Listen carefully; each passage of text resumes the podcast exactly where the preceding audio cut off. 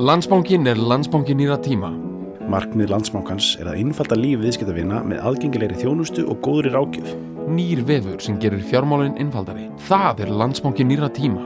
Að endur fjármagna húsnæðislánið við eldursporið heima, það er landsbankin nýra tíma. Að geta gert hlutina þegar þér hendar. Það er landsbankin nýra tíma. Fýralag er í búið landsbankans. Já,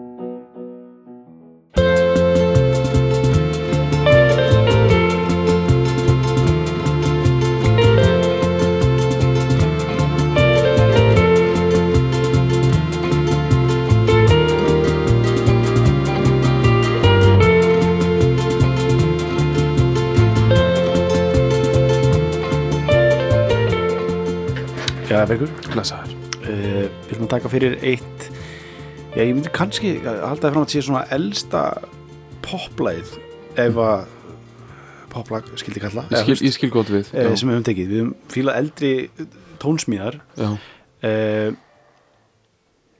en hérna þetta er svona uh, þetta er, þetta er, þetta kallast sönglag Mhm. svona, svona, svona strangasta strangustu skil, skilgreiningum en þetta er poplag Já. þú veist, ég myndi ég meiri að segja bara Chopin, Chopin verkið skilur er bara, hefur alltaf sama að, að hérna, öll sömu element og gott poplag dundur húkur. Þú getum alveg bara sleiðið á fyrstu og kalla þetta poplag og náttúrulega þetta voru pop stjörnur síns tíma sko. Já. Við erum að tala um MA kvartett, Emma kvartinni uh, lagið Næturljóð með texta eftir Jón frá Ljárskóum og lag eftir Fredrik Chopin náttúrulega laglínan sem er tekin úr etíðu opus 10 það eru etíður og hérna Chopin opus 10 og svo opus 25 og þetta er úr fyrra batchinu og etíða nummið 3 Ok. stundum kölluð uh, Sorgin Tristess. En hétt ekki neitt af hálfu Chopin. Nei, og það er svolítið merkild að þetta fallega lag sé etíða og því etíður eru í grunninn hugsaði sem tæknilega tónsmíðar það mitt og etíða þýðir bara stúdring eða æfing. Ok, og svolítið líka ja, veist, núna, ég ætla ekki að hætta mér okkur svið sem ég þekki ekki allt og vel en sko að því að íslenska lægið með hennar texta eftir Jón frá Ljárskóm þetta er næturljóð og það er það sem að sko tónsmíðar meðal annars þetta Chopin og fleiri sem eru kallað noktúrnur eru kallaðar, það er rauninni næturljóð. Já, já, já, en etíðan er uh, hefur ekki þannig sko, svo ég viti sko en það er bara þetta er allt bara eitthvað svona kosmísk já, alveg sko. potið. Og líka þú veist þetta, þetta lag er það skiptir einhver máli hvað þetta er uppránulega kallað. Etíða eða ekki etíða og þessi hluti af einhver svoleiðis. En það sem er svolítið merkilegt við ætlum, við hvetjum bara fólk til að hlusta á þetta sjálft sko. En það, sem sagt etíðan byrjar á melodíunni sem verður að þessu fræga dag, dagulagi Já, svo tekur við eitthvað sem við getum kallað hefðbundin etíða sem þess að tæknileg æfing. Já, já, já, mikill hamagangur. Já, já, já, einmitt. Og kannski miklu minna spennandi hluti. Og það er svona stærri hlutin af etíðinni. Og svo kemur þessi melodí aftur. Einmitt, einmitt. En þessi, et- þessi, þessi melodí er hún er bara ég meina hún er bara ein þetta er bara, ég veit ekki hvað maður á að segja veist, þetta er bara ótrúlega melodía sem hefur orðið innblástur í í sko svo mörg lög og ég meina þetta er eitt frægasta sönglag Íslands næturljóð með Emma Kvartett og fleirum. Þetta er þekkt í Ameríkum og mjög oft undir no, No Other Love eða Tristess er þetta stundu kallað. Og í Þýskalandi uh, er þetta eitt frægasta sönglag bara þess menningasæðis undir nafninu In mér klingt ein Líte og þá er þetta bara sungið þannig In klingt hérna- ein Lít Sko, Chopin er, er frakkið, ekki alveg? Jú, hann verið pólskur sagt, Já, alveg rétt, já. Já, sem sagt, en uh, já, hafði aðsetur í París Einmitt. leist af og dóð þar einmitt, einmitt, einmitt. og er kannski meira af þeim menningarheimi franska menningarheiminum, en Já. þetta er hástettar menningarheimur á þessum tíma þó að eh, Chopin hafi kannski ekkert verið aristokrati sjálfur þá er hann að yrkja og semja fyrir þannig fólk en hann náttúrulega notar alþjóðu stef sko sem hann heyrir eins og er svo algengt á þessum tíma og romantíska bylgjan gengur svo mikið út á það en hann er að eh, semja fyrir, fyrir kannski efri stéttir og þær eru náttúrulega mjög samofnar sérstaklega á þessum tíma. Mm Já, mennur bara svona bara evróskar evróska yfirstjættin bara svona já, sæti samansulli daldið já, líka þetta er í kjölfar Napoleon já, yfiráða Napoleons og franskra menningar yfir allri álfunni. Einmitt. Sem að bara þýsk tónskáld til dæmis dásumuðu fyrst allavega til að byrja með eins og Mhm. Beethoven gerði já, framan á ferli sínum. Þá dásamaðan yfirbyrði Napoleons Mhm. og þó að sko nákvæmlega tónskáldin sjálf hafi ekki alltaf verið einhverja aristokratar þá eru þeir svolítið svona fylgja þeim á málum sko. Já, já, og, og romantíska bylgjan er svolítið svona hún er svolítið svona yfir þjóðleg sko á hann þversagnarkenda hátóti hún tekur hún er, hún er líka upp og innblástur sko þjóðnishyggju sérstaklega það líður já. á 19. öld en hún er, hún er líka með einhverja hugmyndir bara upp til stjarnana einmitt hefjumst sko yfir eða þú veist hún gerir þetta alltaf einhverju sko já, eða sko sérstaklega romantíska stefnan eins og hún er presenteruð af listamönnum, hún Já. er yfir pólitík hafin sko, þú veist, hún er bara við getum dásamað þessa fegurð saman sem einn alva mm einmitt, en já, þannig að þetta lag til dæmis fór og, og verksjópan fór og segur fyrir um Evrópu mm -hmm. og hafð uh, hvort það væri Fraklandsmein eða Þýskalandsmein þetta er cirka hvena þá þeim sem hann er að sk- skrifa eittíunar og það? Þú mátt ekki komin í vandræði, Ég- er þetta ekki um 1840? ég myndi segja það, það myndi mitt höns væri svona miðja 19.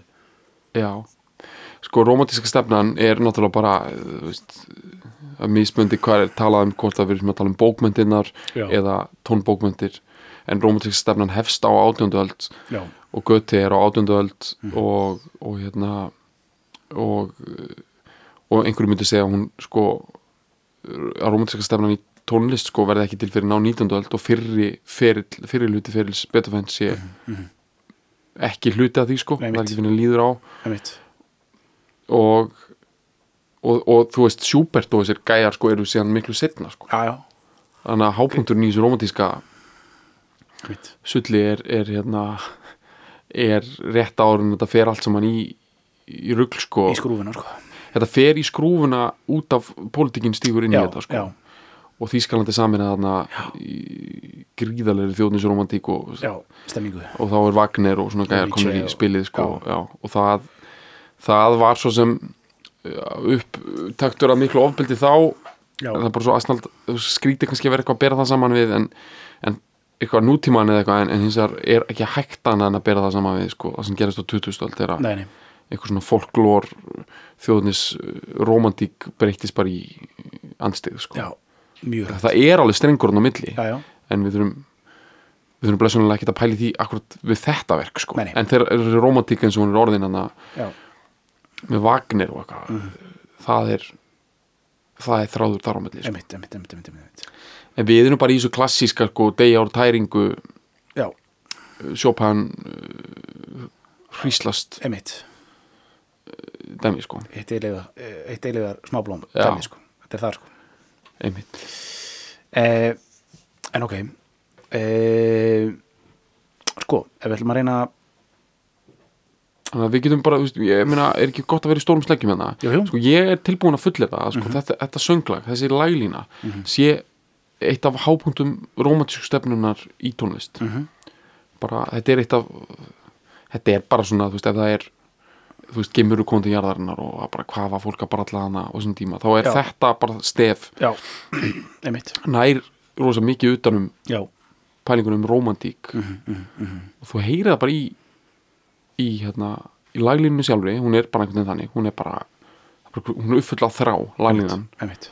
Hvernig sem það hægt að útskýra það betur, en það er líka í sko flutningnum sem að náttúrulega, við vitum ekki nákvæmlega hvernig Chopin flutti þetta en, en það er nú sagt, samt sagt að sko í dag sé þetta píjónuverk flutt hægar heldur en stendur upprunalegu nótunum sko. Ok, og þetta er ettíða fyrst og á að vera flutt hratt og sína svona tæknilega snild sko. Einmitt. En það er eins og það sé nánast innbyggt inn í hvernig þetta er flutt að það er svo mikið svona verið að hvernig er best að lýsu, þú veist?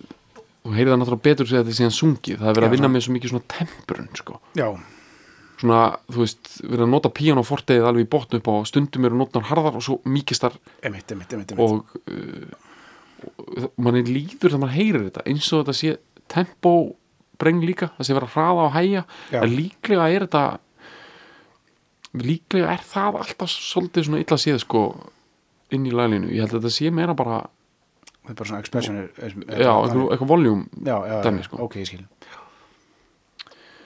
Þannig að hérna þetta er bara já, þetta er efnið við mm þetta er líka sko, þetta er áhugavert að hugsa til þess að veist, þetta lag hefur- eða veist, stefið þetta upp, upprunlega stefið sem þetta byggt, byggt, byggt, á er verið tilíkstæðar í miða-Evrópu, Fraklandi og þetta er aðna um miðbygg 19. aldar.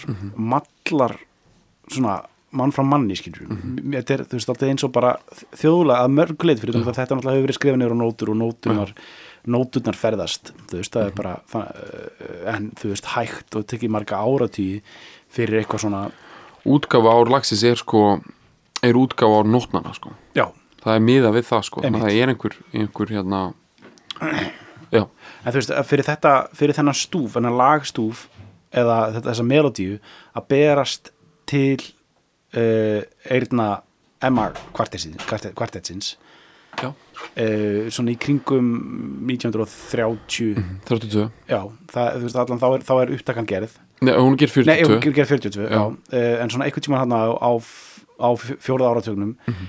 í þristinum hafa þú veist, bara svo gaman að ímynda sér hvernig þetta svona einhvern veginn hvernig þetta ber, berst, þú veist, líka út að þú veist bara út af því hversu sko hröð uppbygging var í gangi bara í íslensku, þú veist, bara í, í íslensku þjóðfélagar tíma, skilur, það var bara Mhm. svona nýkomin þú veist, alveg almennileg kirkju orgel og eitthvað, skilur, Já. og bara eitthvað svona sem heitir að vera tónskáld, þú veist, eitthvað svona. Emil Tóratsen og, og hann að uh, Leifsarinn og já, leifsærin og þetta dæmi, sko, þetta er bara, þetta eru nýtt breed, sko. algjörlega, Alveg. Jón Leifs kemur með hérna, Sinfoníuljónsett hérna ég, man ekki frá hvaða borg en frá Þískalandi sko, nei, í, í heimsók til Íslands og heldur tónleika í inn og já, ég held að það sé eitthvað í kringum 1930 einmitt. Og bæjarbúar voru að hlýða á heila hljómsveit og sem hefur öruglega ekki verið heil hljómsveit eins og við þekkjum í dag nei, sko, nei, nei, nei. Og þeir koma þannig með gullfossi eða eitthvað og þarna er fólk á Íslandi fyrst skipti að heyra nokkur hljófæri leikin saman Mhm. og, og ekki nema hluti af Íslendingum. En samt alveg svona, Íslendingar er ekki það margir. Þetta alþjóðinu gafst kostur á því. Mhm.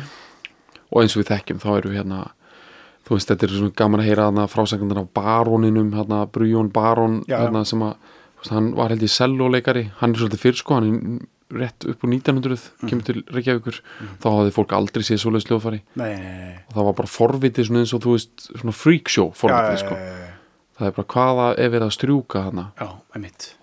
Mér langar bara rétt að bæta við einu viðbútt með lægið Mhm. af því að við kannski komum aftur að því senna sko. Áður við förum og tökum alveg vel utan um þetta Emma kvartett stæmi Já, að þetta lag er rosalega frækt sönglag. Mhm. uh, en svo er þetta náttúrulega líka lagið Lemon Incest með Sars og Charlotte Gainsbourg.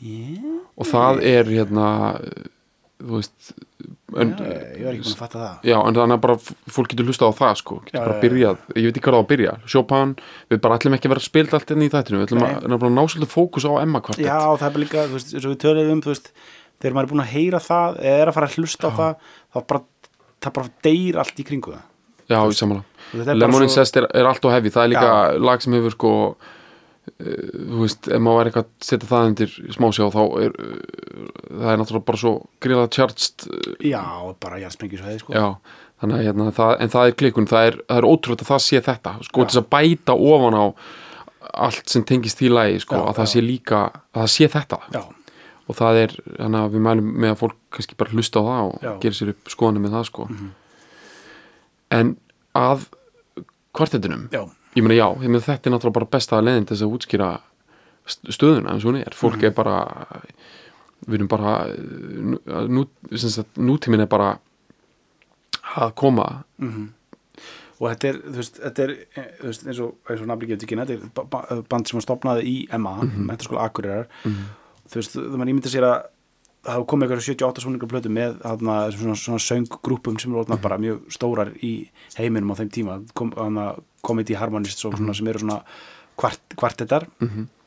uh, sem hefur verið svona blúprintið að þessu fjóra svona, uh, fjóra rattir uh, a- a- fjö, fjö, fjögra rattað fjögra, fjö, fjórattaði söngur og svo setna meir með píónuleik undir en byrjaði bara sem bara a cappella já svo er, myndi ég halda líka að fólk getur fundið svolítið út úr þessu sjálft einhvern veginn svona- já, þannig með nótum skilju það er, en, en það lítur samt að vera þegar við heyrt einhvers konar já, fyrirmynd sko. Já. þú veist bara þá á, á 78 Já, snúrum já, það voru einhverju grammofónar og, og ég held að það liggi alveg fyrir að það eru en þetta er náttúrulega ekki þetta er algjörlega sjálfskapað svona í verðundinu sko. Mhm. en þetta eru hérna en já, í kjölfara af þessu þá getur maður svona fært rauk fyrir því að þarna sé fyrst skipti að vera til eitthvað svona pop entity Mhm. þar sem að einhverju koma saman og, og búið til eitthvað, eitthvað nýtt og Mhm. gerum eitthvað sound og ferðast með það og, og já, Emma kvartetin sko túraði landið sko já, tók ringferðið sko og ef við förum bara yfir hérna eh, þú veist, ég veit ekki sko, ástæðan fyrir því að ég er svo spenntur yfir þessu, langar að ná aðeins utanum, utanum ákveðna tilfinningu með þetta, Já. er það að ef þú hittir einhvern ísling sem er fættur fyrir, skulum segja 1950 sem þýðir að hann er fættur, gæti samt verið fættur alveg eftir að sko þessi kvartet leggur upp laupana sko. Já, já, en ef hann er bara fættur fyrir 1950 einhvern ísling fyrir 1950 þá held ég að ég geti eina að lofa því að þú getur tekið upp skeiðklöku og sett Emma kvartetin þú getur sett skeiðklökun í gang og fólk fætt fyrir 1950 það getur talað um Emma kvartet í lámarki 12 mínútur. Án að stoppa. Og það segir bara jákvæða og, málumlega hluti. Já. Þa- það er, það, það er mín reynsla sko. ég hef heyrt af, hafði alltaf heyrt af þessu að það hefði verið til. Þetta, þessi Emma kvartett og hérna ég hef bara einhvern veginn alltaf vita af þessu sko. að því það er bara sagt að þetta, þetta var bara þetta snart alla sem á þetta hlustuðu og uh, svo mikið að sko börnin þeirra tala ennþá um þetta Einmitt, einmitt. Og það er svo margt svo klín sko, svo hreint við sko þetta band ef við erum að kalla það þannig. Já, Þeir starfa í akkurat tíu ár frá 1932 til 1942 upptakan sem við erum að heyra þetta hún er tekin upp í ríkisúðarpinu 1942 og hún er sko hún er síðast skipti sem er koma saman. Og eina skipti sem Þetta er rooftop koncertin þeirra semst. já, Já. Algjörlega, Já. þetta eru þeir bara hérna, og það er eina skipti sem hægt var að taka það upp. Og þetta er tekið upp á einhverja, einhverja lakk renninga, Já, einhverja já. lakk hliðar Já. og það voru bara til átta hliðar. En Emma Cartetin gatt sungið yfir hundra lög Mm. og þeir eru að velja það besta. Og þeir tóku þessi átta og það var bara one take á allt. Þannig að þarna, það sem við heyrum í dag þá eru þið búin að vera í tíu ár. Þreymur árum eftir þið takit upp þá deyr textafundurinn Já. og, og einn aðal hérna, fórsöngarinn hérna, Jón frá Ljárskóum úr Berklum á Vífistæðaspítla Einmitt. þannig að það er útlokað þeir komið saman aftur. Þeir starfa í akkurat tíu ár. Þeir heldu 110 tónleika give og take eitthvað þeir voru, og þeir held bara tónleika komu ekki fram á skemmtunum. Nei, komu ekki inn í prógram hjá öðrum. Nei. Og þeir komu fram í gamla bíó á tónleikum 1938 þar sem þeir voru klappaður upp 11 sinum Einmitt 11 sinum 11 sinum, Já. þú veist þeir voru klappaður upp og þú veist taka annar lag. Og þetta er allt skjálfest sko. Þetta, þetta er bara og þeir hérna einn er að Dóberglum, mjög sorgleitt, Jón frá Ljárskóum Já, 31 árs. Já. tveir eruðu alþingismenn held ég alveg örgulega Mhm. og einn var læknir, héraslæknir og, og lifði löngu lífi og læknaði mikið af fólki. Mhm. þú veist, þetta eru sko þetta eru þeir voru allir með svona hábund hefni lúk á Já. millisrísárunum Einmitt. Þú veist, þetta er Sóma piltar. Já, they don't make them like this anymore sko. Einmitt. Og það er þessi príði sko, þessi sómi Mhm.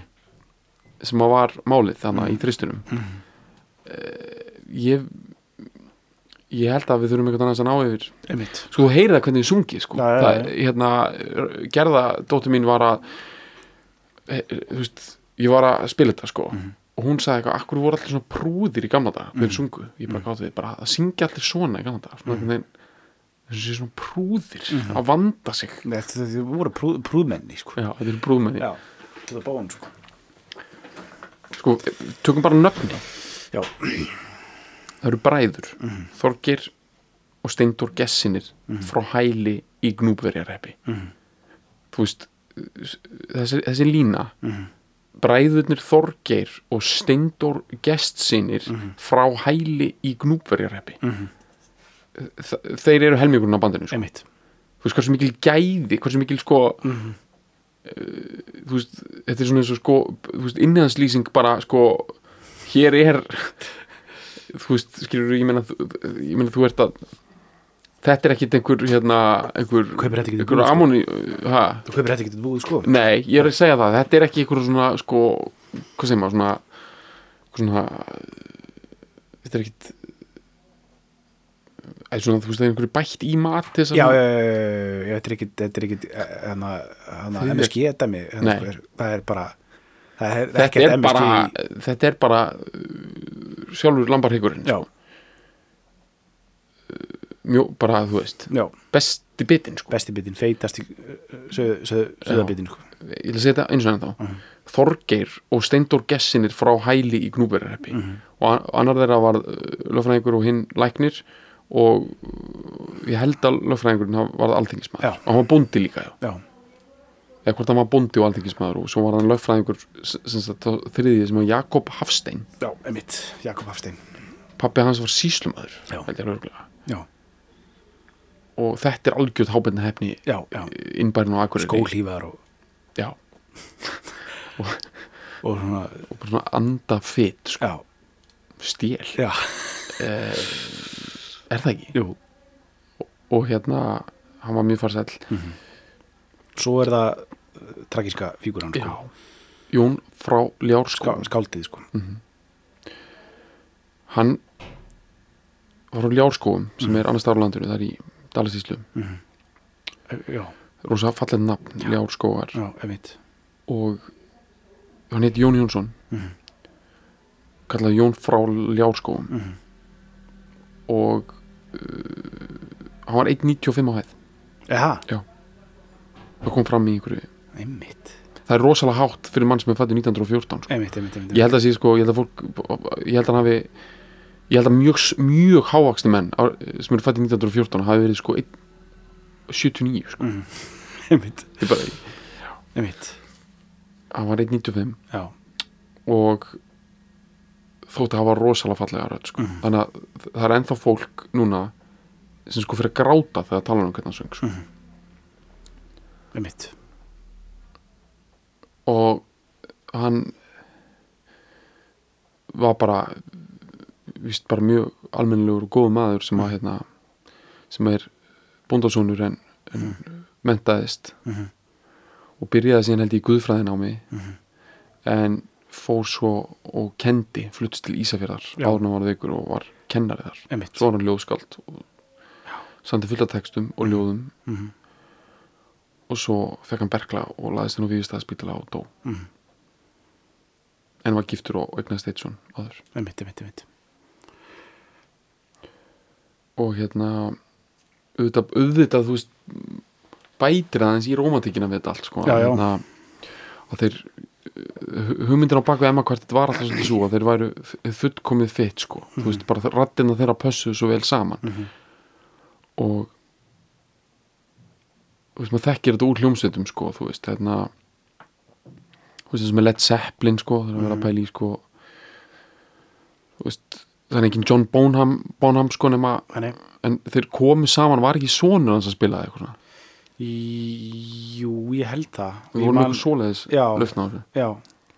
Þeir gerðu eitthvað, þegar þeir voru, þú veist, að spila eitthvað uh, þú veist, þeir að vera að setja þenni hérna Rock'n'Roll Hall of Fame eða eitthvað svo, það var eitthvað svoleiðis Já, þeir tóku líka bara eitthvað, tóku eitthvað svona O2 Arena mann með einhver svona, Já, hvort að, ok. eða hvort að það bara Starkey, Starkey ég var að hugsa það, hvort það væri Zack Starkey sko. Já.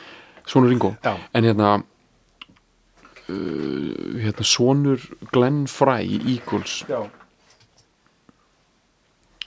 hann hefur eitthvað verið að koma fram í Eagles sko. Já.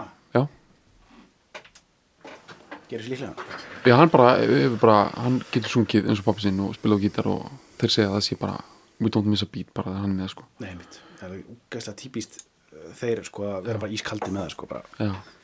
bara halda áfram Ég myndi segja sko að hérna að Emma Kvartet sé að mörguleiti Eagles Íslands Einmitt.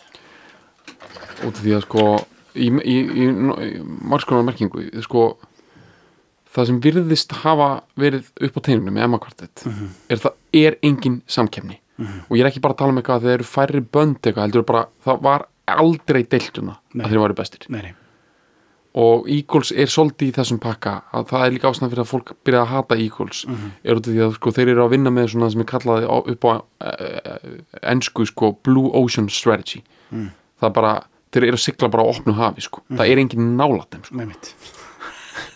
Þú veist, þetta er, þetta er þessi hugmyndum sko þú getur verið í svona þröngu og erfiðu svona leður eitthvað típu álagi það sem þú ert einhvern veginn svona alltaf sem er, sem er ógislega spennandi skilur og já. mikið af góðri músík kemur út frá einhverju svona olbúa systemi sko. Eða þú getur unnið með svona dæmi þar sem þú einhvern veginn býrð til einhvern kokteil og gerir það bara það vel og gerir það það uník að uh, þú veist það getur engin orðið af góður í því eins og þú og, og fólk dyrkar það og þú ert bara á úthafi sko, bara í heilan áratug. Og ég held að hérna, Emma Kartin hafi verið bara með eitthvað þannig sko. ég hugsa að þegar þeir eru komnir þeir eru klappaður upp 11 sinum í gamla bíó 1938, það hugsa ég að tilfinningin sem að sko einhverjur eitthvað ungt fólk hefur verið hana hefur verið svo af hverju einu svona reyna það að fara inn í stofu og reyna að æfa upp lög. Með mitt Þú veist, af hverju einu svona reyna það sko. Við verðum aldrei jafn góð og, Nei, það er svona öfugt við, við bítla áhrifin sko. já, það sem allir hlupin í bílskúru með, með, með gítara sko. já. Þetta er nefnilega alveg rétt. Þetta er hérna, að ég veit ekki hvernig það var með Emma Quartet sko, en ég minna þetta er af einhverju liti, þú veist eru reyndar sko, að- aðrir, það var þarna svo skemmtilega rítgerðan um Karl Billig, þannig undirleikana þeirra já, já, sem hann var skrifuð þannig að það eru fleiri kvartetar sem koma síðan setna sko, en, en að mörguleit er þetta svolítið eiland sko. já, já, þeir bara þeir eru bara HKL Þeir sko. þeir eru bara smára- Halldór Kiljan Lagsnes Já. sko, söngakvartetana það er smára kvartetinn og svo er hérna náttúrulega þessi í svarvæðdalum hérna Ah, nú er ég brókaði með þér það voru tekin illa sko. ég verð tekin ítla ég þetta ekki Tjarnakvartettin Já, Tjarnarkvartettinn, já, auðvitað. En það er í kjölfarið sko. það kemur, það kemur sinna Já. en sko það er eins og bara þessi Emma kvartett sé bara sko veist, hann er okkar pantheon dæmi, Já, sko. Hann er bara svona þú veist eins og bara frakkar í, bara búin að klína Voltaire og öllu liðinu bara onni í einhvern grafísiðan í fimmtakari í París eftir the fact sko Já. þeir, þú veist að taka þetta lið meira og minna upp úr gröfunum og, já, og bara, já, bara Viktor Hugo og þetta lið þetta er bara alveg sementa þannig niður já, sko já, þú veist okkar pantheon Mhm. Þetta er sko nefnilega okkar pantheon. Þetta er svolítið snúið dæmi af því við getum ekki verið að taka Þorberg Þórðarsson og, og þetta lið í pantheonið okkar því þeir eru í eðli sínu uppreistamenn sko. Mhm. þeir bara eh, gæti ekki leigið kyrrir í nei. Pantheoninu sko. Þetta er meira svona Davíð Stefánsson. Mhm. þetta er prúðmennin sko. já, prúðmennin fari í pantheon. Já, þetta er já, þetta er Davíð Stefánsson. Davíð Stefansson og þetta er Emma þetta er allur svo er þetta svona já, geti verið sko já, ég veit ekki, það er sko eitthvað eldra þetta er erfitt þetta er sko eins og Grímur Thomsen sko, hann er það hann ætti að vera að það en hann, það er svo óíslenskt að vera eins og Grímur Thomsen mm. Grímur Thomsen var stórbóndi eiginlega það sem kemst næsti að vera aðalsmaður á Íslandi mm. því hann var, hann var eitthvað hann hafði einhver svona umbóðsmennsku sko frá hendi konginum sko. Já, hann hafði eitthvað að gera með að sýsla með hans völd sko, í umbúðu konungs. Og hann er stórbóndi og skáld og áttu hunda sko til skrauts. Og það er ótrú óíslenskt sko. það er mitt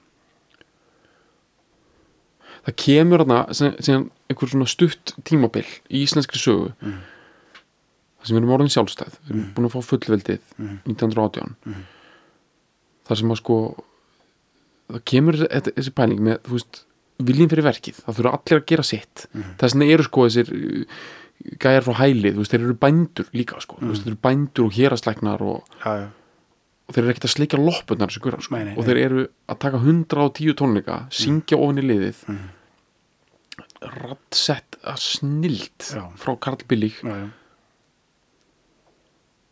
og uh, þetta er svo mikið svona veist, Íslendingar fíla þetta sko, þetta er vinnu sem sko.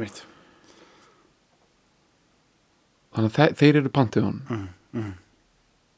þeir var reyna kannski bara fjóri sko. Já, ég hugsa það. Þetta er ég meina sástu viðtalið sem að pappiðin tók við, við á? Það nei, er ekki búin að horfa á það? Nei. Það er náttúrulega ógæðislega gott sko. Ok, sem sagt hann tekur viðtal við bræðuna 1992, þá er Jón Ljár sko um deg 1945 og svo Já. deyr sko Jakob Hafstein 80 okkar. Já, Þeir tveir eru ennþá á lífi 92 bræðinir gessinir, Já, þeir eru prúðir. Já. Þeir eru í sjónvarsalatna með pappa P Já. 92 sko. Já, og pappiðin er þarna með möppuna alveg klára, veist með svona tilbúna spurningar og, Já. já, þetta er svo prútt. Já, og þeir eru rosalega prúðir og þeir, að, þeir tala rosa vel um, um útsettjara, undirleikara upptökustjóra. Emitt þeir segja allir mis að sko þeir gera þessa upptökur. Hérna fyrir rúf sem við erum að hlusta á núna. Mhm. það var þegar Jónas Þorbergsson útvarstjóri baða um að um að taka upp Mhm. og Jónas Þorbergsson útvarstjóri hann er fyrsti útvarstjórin mm. af því að útvarpið er ekki stopnað fyrir 1930 Mhm. hann er sko saga hans Mm.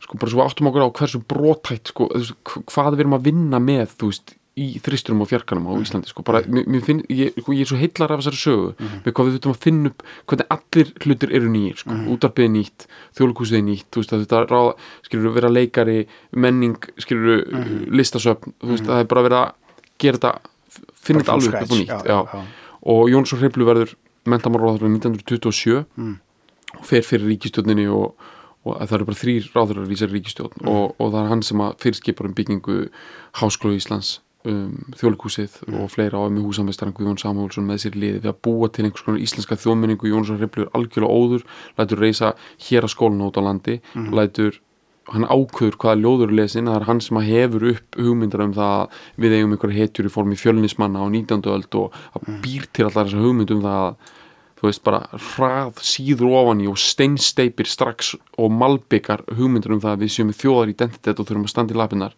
sem nýbökuð þjóð. Þetta, er, þetta er svo miklu meira en að segja það að það veist, okkur finnst núna eins og það get ekki að hafa verið svona. Nei. eins og það hljóta að hafa verið miklu eldri eitthvað muscle memory í þessu en það Já. er það að mörguleiti ekki. Þetta er bara, við þurfum bara að gera það hratt og við þurfum að gera þetta öruglega og það er þessi tími.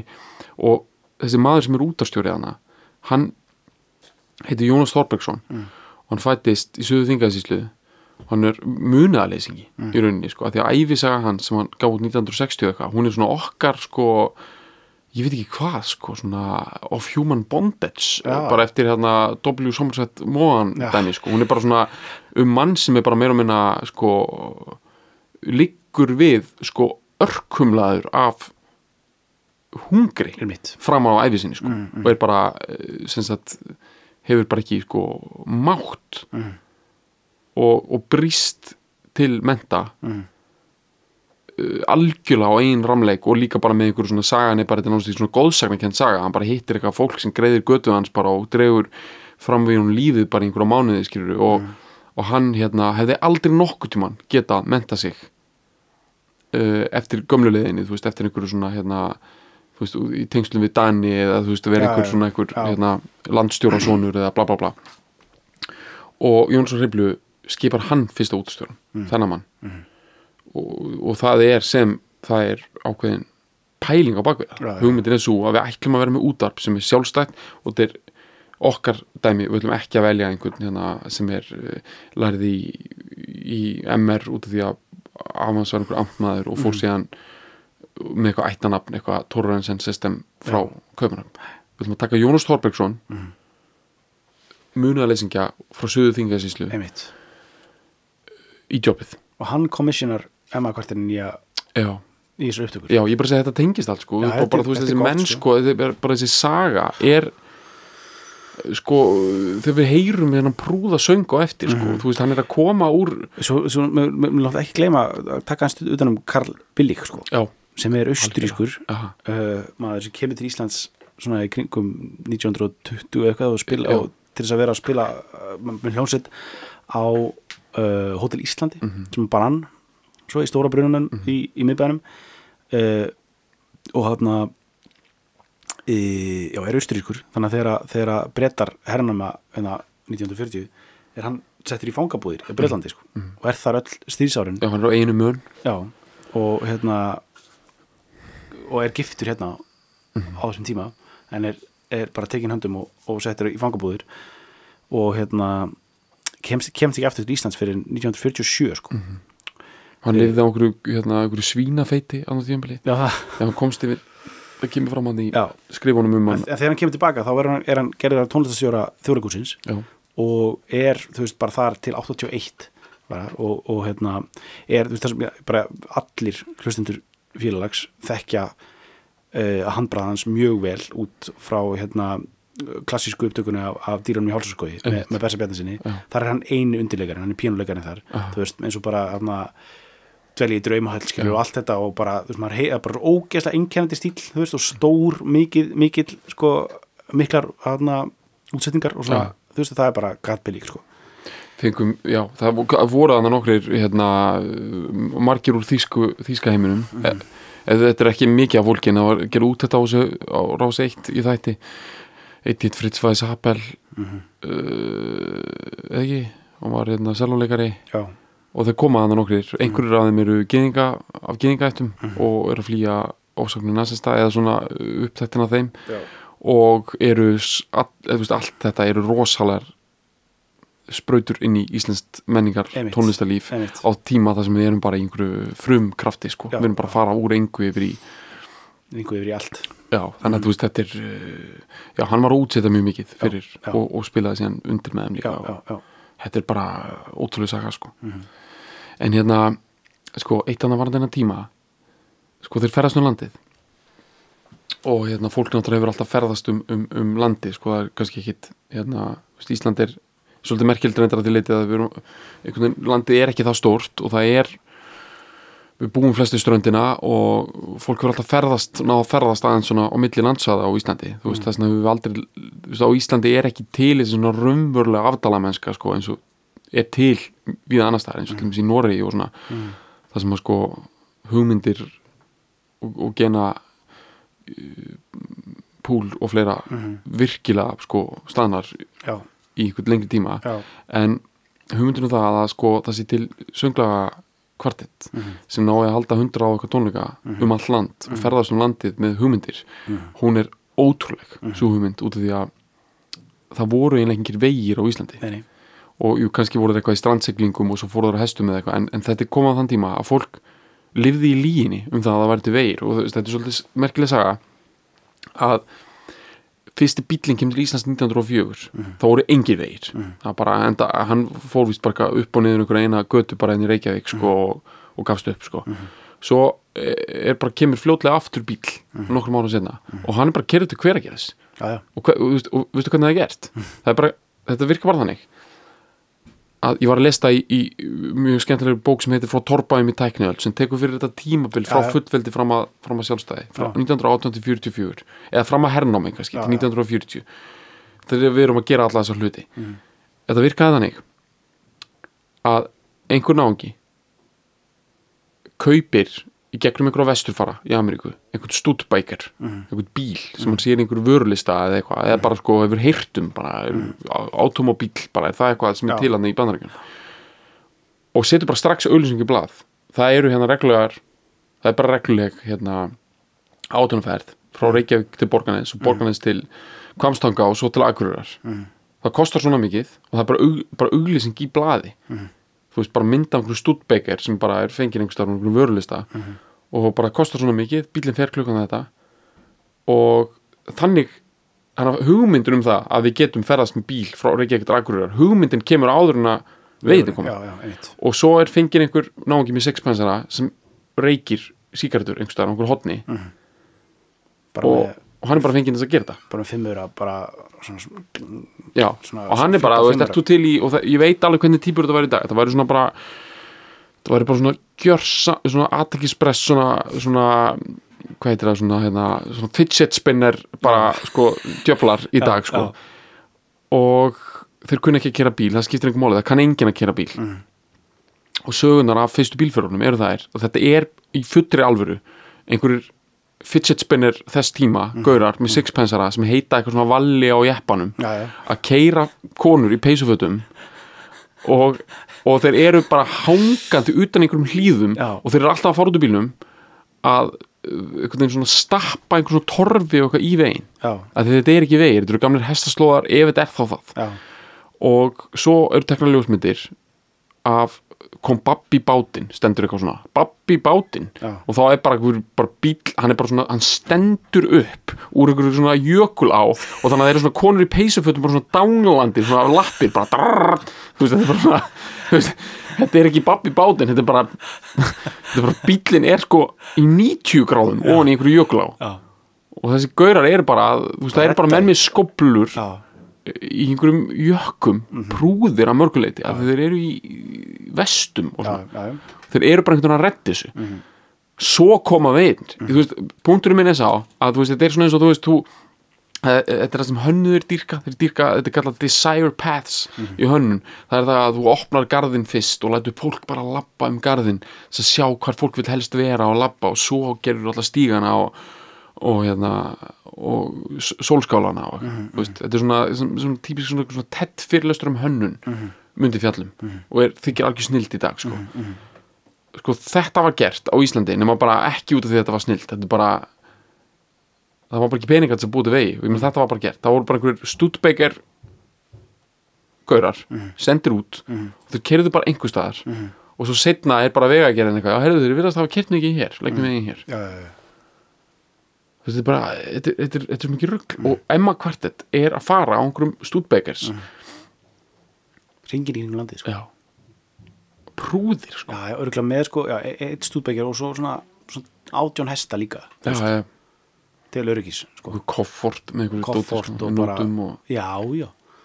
Og, og nesti sko. Já, já, eitt, eitt orgel skilur já, menn voru hérna menn voru sko mikið að svona tjald, nei hérna að flagga þegar þeir borðuðu nesti sko. Já, það er til svona ljósmyndir af hérna það er bara án, áningastaður bara fóru á einhverjum bíl þú veist, yfir helliseiði til hvergeris mm. veist, það tekur hinnan dag. Þú átt að stoppa meiri helliseiði og borða nesti.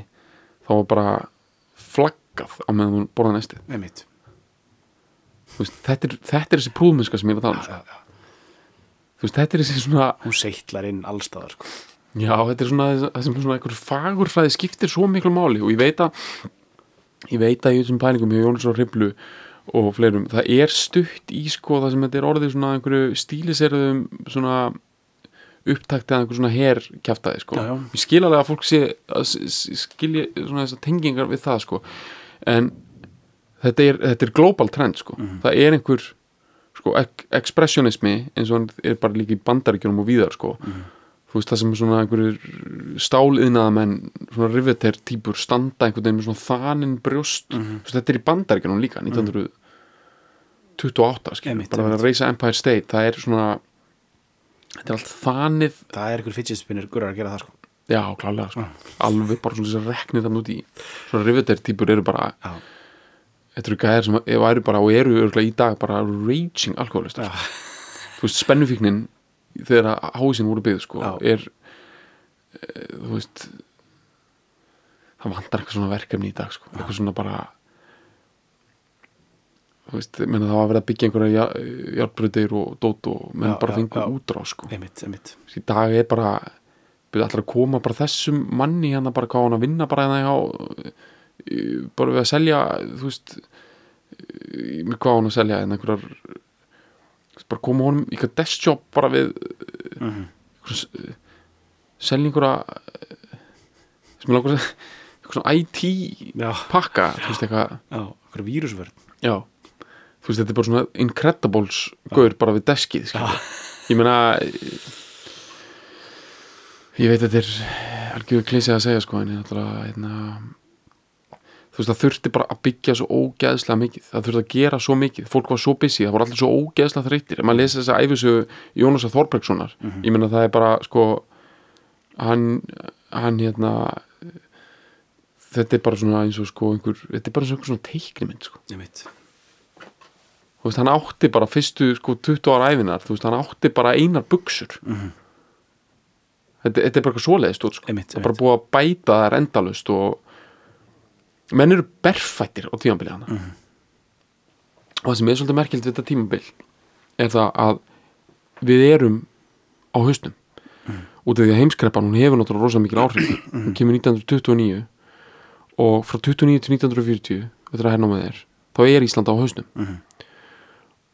Og uh, hérna húsnæðiskortur í Reykjavík hafnaverk, hérna, dagverkamenn að býða eftir vinnu við höfnina og þetta er þegar Steit Steinar er að yrkja fyrstu ljóðin hérna, og rauðurlógin brann og sósialismi gerir, þú veist, það er bara allt skilur ég meina þú veist, við hefðum alveg geta orðið ég ætla nú ekki neitt að fara í pólitík enna sko, en þú veist, við hefðum geta orðið einhver svona frekar svona massífum öfgareyfingum að bráð Já, já. eins og sko þjóðan í Evrópu, kommunisma, nazisma eða hvað þessar stefnur hétu Mhm. sem fólk óttaðist þá. En sko það sem að uh, sko við vorum vist við skulduðum vist ekki mikið ellendis Nei, ég veit ég var að hljóma sem einhver svona Sigmundur Davíð hérna sko, að tala um hvernig það sé einhver svona snill. En það hafði vi- vist verið svona, það var mikil varhugur við erlendu fjárfestingum. Mm. þegar við erum nýkomið fullveldið það er alltaf þessi hugmyndu það við þurfum að fá erlenda fjárfestingar sko, en veist, Einar Ben og þessi gæðar sem hefði verið áður voru, við höfðum aðeins brent okkur á þessu áður sko. og þess vegna uh, var víst sko meðal ráðandi stjórnmálastjættar var svolítið hugmyndum það að við ættum ekki að fá inn stórfyrirtæki endalust til þess að byggja henni upp hafnir eða eiga útgerðir eða mjölkurbú og svoleiðis, svo það hafi alveg verið eitthvað um það potið sko, þá var þá var þetta mest byggt upp af Ísland, Íslandingum og það er náttúrulega mjög vont fyrir greppu líka þegar þú uh, skilur þú veist, það, það, og það er orsök kreppu líka, veist, þetta gerir kreppuna ekkit léttari, sko, þannig sé hins vegar er sagt, sko, að til lengri tíma að þegar að síðan peningandi koma aftur inn 1940 þá, þá komu þau samt inn, sko. Einmitt, þeir fóru ekki bara einhverja skulda hít til útlanda. Einmitt, og við í rauninni bara basically áttum allt sem við áttum sko. einmitt. við bara hérna skuldum ekki og það hefur verið að berða saman með þessari bók sem ég var að minnast á aðan við hérna landið Nýfundaland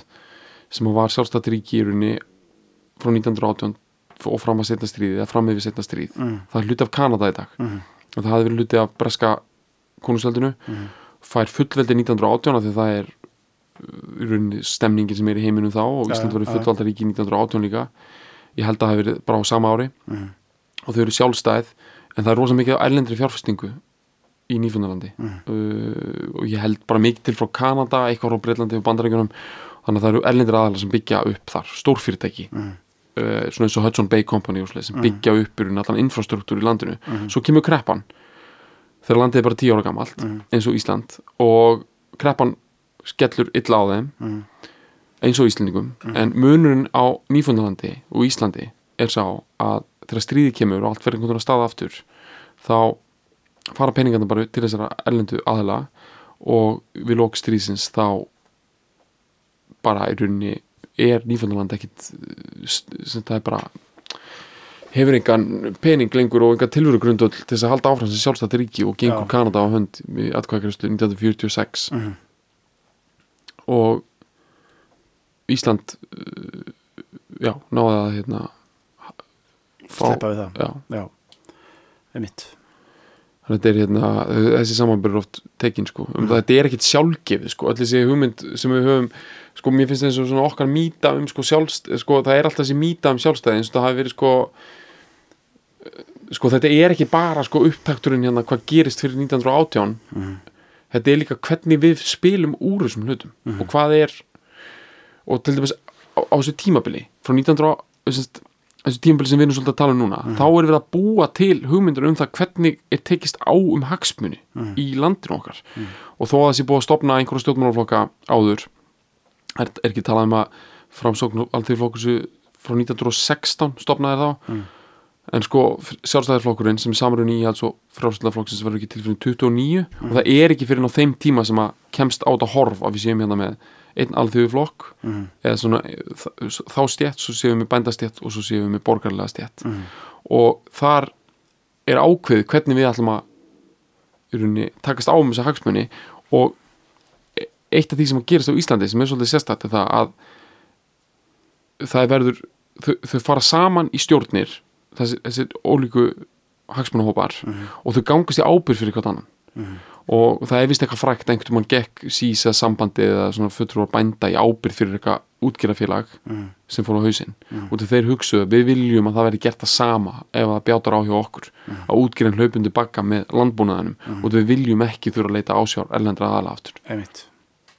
Þetta var einhver hugsun sem var ákveðin í bókstælega í reikfylltum bakherbyggjum já, já, að einhver svona Ólafur Tors einmitt. flippa gaurum sko. Já, og Skó, skólífanar og skólífar og reikfyllt bakherbyggi og bara mahóni og bara þú veist já, já, nema bara ég er ekki að segja með einhverju neikvæðum formvíkjum þannig sko. Nei, nei, einmitt. En reikfylltu bakherbyggjin voru bara það var að ákvarða uh, hagsmunni Íslands Mhm. og, og ég myndi segja á þessum tímabil þannig þá er þetta miklu meira óumdelt heldur en síðan setna þegar við förum í NATO og það allt sko já, já, já. eftir setna stríð, þar er náttúrulega bara já, það er ég, það er annað dæmi sko. Mm, þá er prúðmennskan svolítið búin sko. En í þessar prúðmennsku tímabilinu þá Mm. trúi maður því allavega líka liðin svo langur tíma að það hafi bara allir verið að gera sitt besta.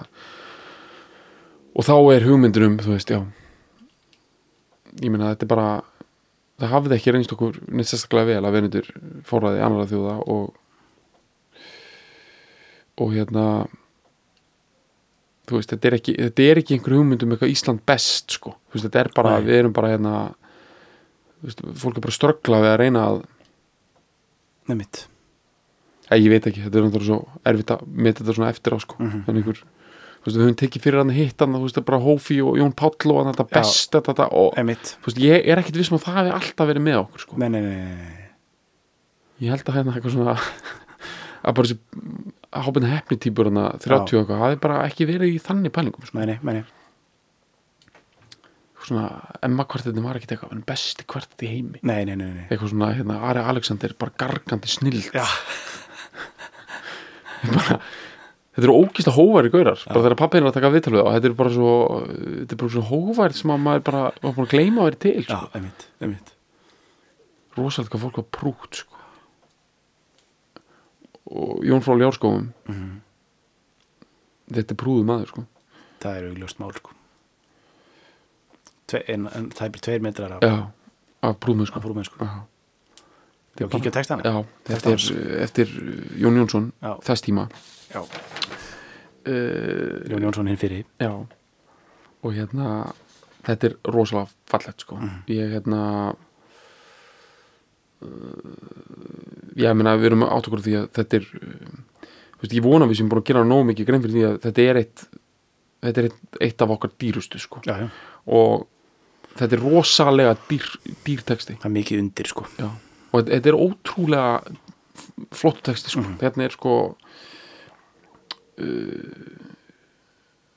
það er engin það er ekkit, þetta er all killer no filler dæmi, sko.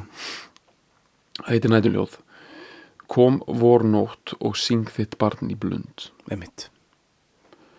Einmitt, þetta er um, já Mhm. það er bara að vera að kalla á nóttina. Bara tuck you in sko. Mhm. ok. Sko, gaman að segja frá því, sko að Karl Billig, mm samtilagið Óli Lóbró já. við texta hérna Hafstein, Jó, Jóhannes Hafstein. Ja, Jakobs. Jakobs Hafstein, já, já, Einmitt. setna, sko Já, eftir já. daga, örgulega, Jón Já, þetta er bara, veist, það, það er rosa dýrt dæmi, sko.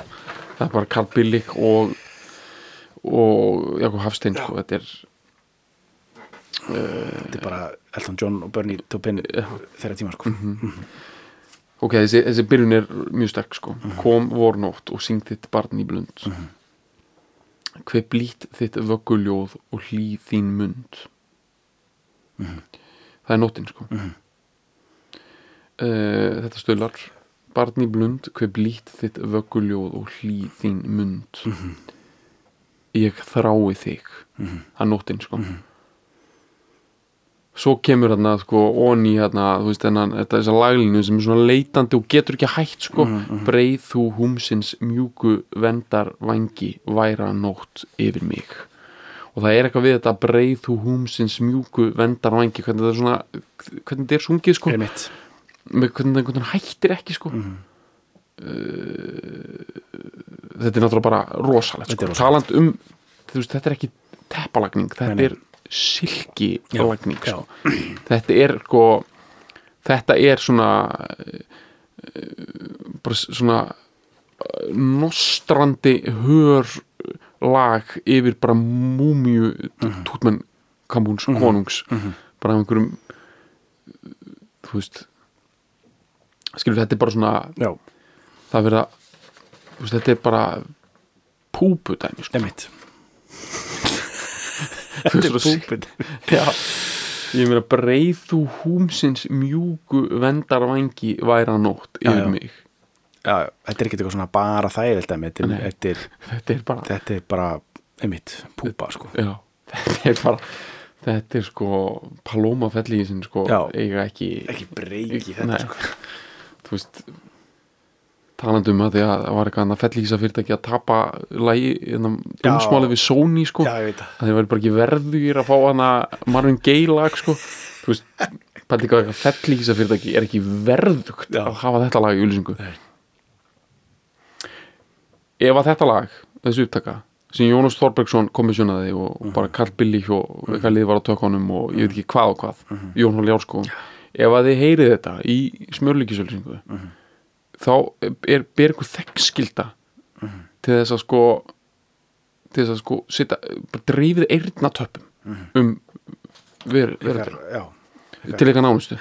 Og ringið síðan símtöl. Já, og gera allt vittlust þetta þetta er þetta er að er ég hugsaði Já. eru við verður að fjallum þetta? Emitt og ég veit ekki, vonandi hefur það kannski einhverja starrenda vilja konar fram en veist, ég, við vönduðum okkur ekstra mikið þannig fyrir hann þátt, mm. þetta er ekki þú hefur ekkert í flimtingum um Emma kvartett Mhm. menn þetta er ekkert uh, þetta er bara Pantheon dæmið sko Já. þetta er, þetta er Pantheon dæmi og, hérna, og það er ótrúlega mikilvægt að hérna að sko þú veist sko við séum ekkert að rjúfa eitthvað hérna sko þú við erum ekki afhelguna sinnar sko. Alls ekki. Þú veist- þó, þó síðu sé sko. Þetta er svolítið svona eins og hérna í hérna í hérna elsku mjóminn eftir Astrid Lindgren þá hérna uh, þá er eitthvað svona þeir hérna, það er eitthvað svona lenska alltaf í, í bókinni sko sem hann hendir fyrst steini en það verður eiginlega að henda sverðinu sínu eða ekki út í einhverju tjörn sem er fyrir utan kastalan mm. að því að hann vil horfa á gárurnar svona ringina sem koma út frá þeir dáliða einhvern veginn manstu ekki eftir? Jó, minni og þetta er eitthvað svona stef í gegnum söguna sko, þessi ringir, veist, það sem þú setur fram einhverstað, það heldur áfram endalust og kastar af sér sko. Mhm. þú veist, einhverju svona drömkindir æfintirlegir sko uh, gárur Mhm. á einhverju tjörn sem bara svona halda endalust áfram sko, Emma kvartet er svona eins og sko, og þetta lag er svona eins og eitthvað sem er sungið við Östurvöll landsímahúsið Mhm. uh, 1942 og sko af svo mikil brúðmennsku Mhm. þau eru búin að æfi þetta svo mikið negla þetta svo mikið að sko veist, þetta er ennþá að gefa sko. Mhm. þetta er svo þetta er svo þetta er bara eins og gárurnar í elsku mýjóminn sko. Ég menn þetta er bara þetta er bara, veist, þetta er bara þjóðar vitund já, vísindika bara er hérna ég hérna ég fór að gráta því ég er þetta um daginn sko. ég, ég bara sko ég, ég fór að hugsa sko þegar svörunin kemur sko á eftir þarna þegar þeir segja hérna að við förum bara yfir á eftir sko. Ég, ég, skal, ég meina ég kannski það er eitthvað svona einhver, eitthvað ofmat hérna eitthvað, ég ætla að segja sko hvar ég fór að gráta Nei, sko, ég veit það nákvæmlega sko. Já. Hérna, en hann segir breytu húmsins mjúku vendan vangi væra nótt yfir mig. Svo kemur draum ljúfa nótt fær mér þinn frið. Fyrr þú mig dagsins háreisti og klið ó kom þú fljótt. Ok? Bara, þetta er allt negla sko og ég meina þú veist hugmyndur um það að sko nóttin sé svo mikið líkna því hún fyrr er mann frá háreisti dagsins sko. Já, já, já. ég meina þú veist það á svo mikið við núna sko að ég bara svona stundum nóttin er sko uh, þú veist, þú veist ég er alltaf að heyra þess að sögu núna að sé eitthvað svona fólk er bara að byrja að sofa minna að það er bara svo mikið í gangi sko. Þú ert bara á heimabankanðinum bara þú veist, bara búin að busta og ert bara að tjekka á heimabankanðinum bara appinu, bara snilt hérna. Uh, þú veist og, og okkur er bara talin trú um að það sé snilt. Emitt, emitt þá segi ég nú bara sko fyrr þú mig dagsins háreisti og klið ó kom þú fljótt svo ég vitni bara í Jón frá Ljárskóum Já, hérna, sko, með, sem svar við því bara felli hýsa ruggli sko. Mhm. ég meina þú veist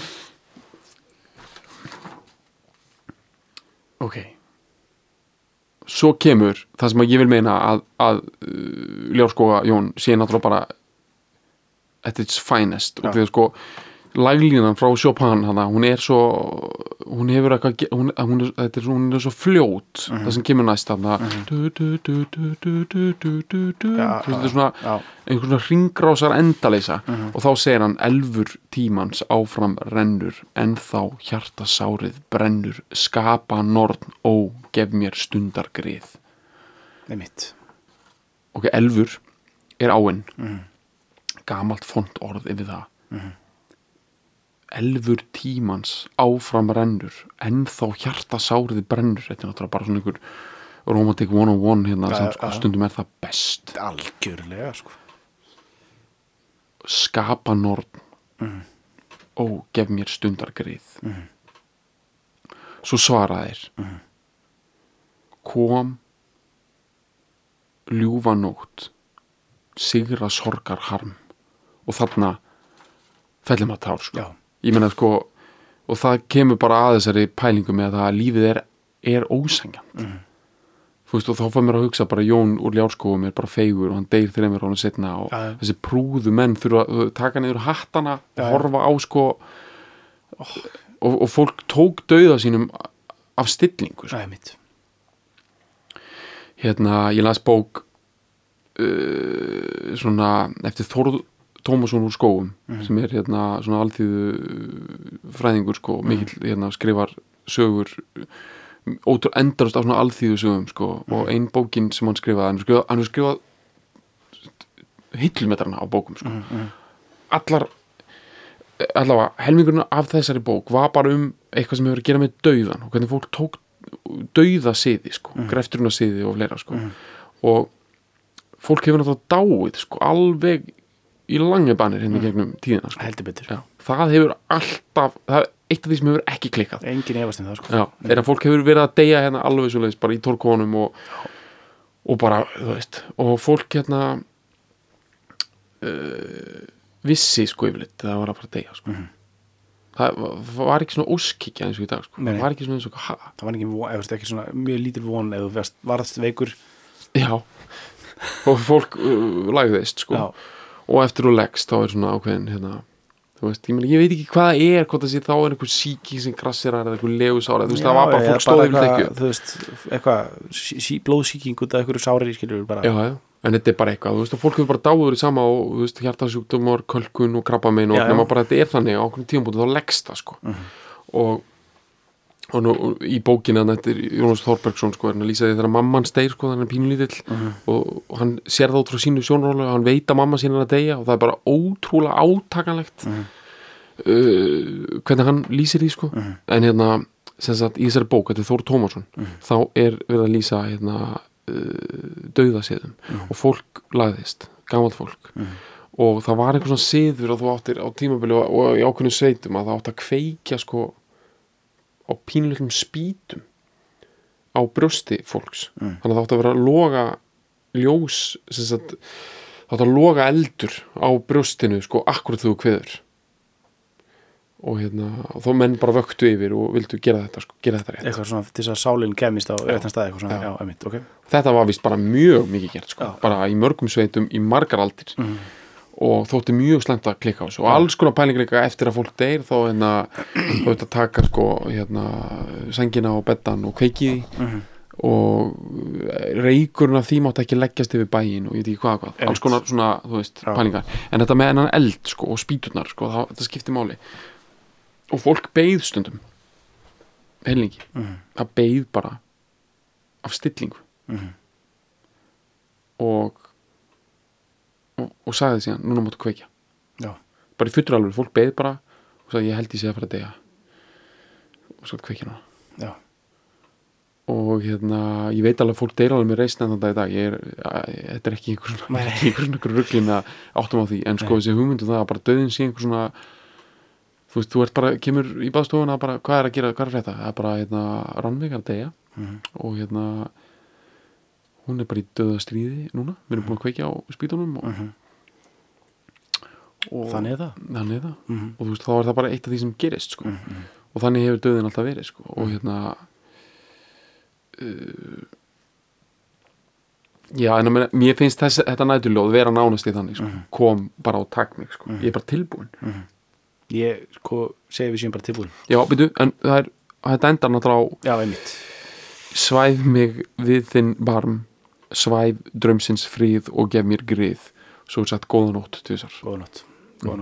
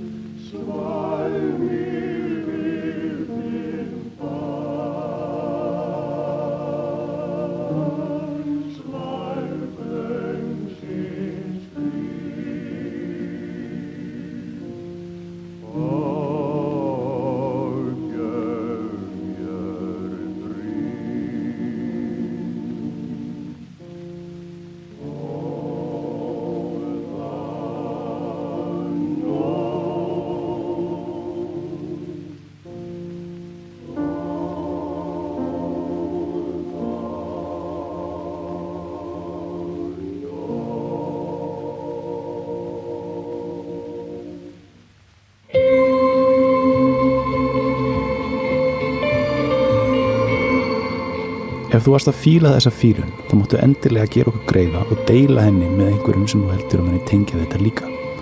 Að þú getur skrifað umsögn eða gefa okkur stjörnur á Apple Podcast, Spotify, Overcast, Podcastir eða því forriti sem þú notar þess að hlusta hlaðvörp þá hjálpar það okkur mikið til að vekja aðtekli og fílalag og það eigur líka líkurnar að því fólk sem er að leita að einhverju skemmtiri til að hlusta á reykist á fílalag.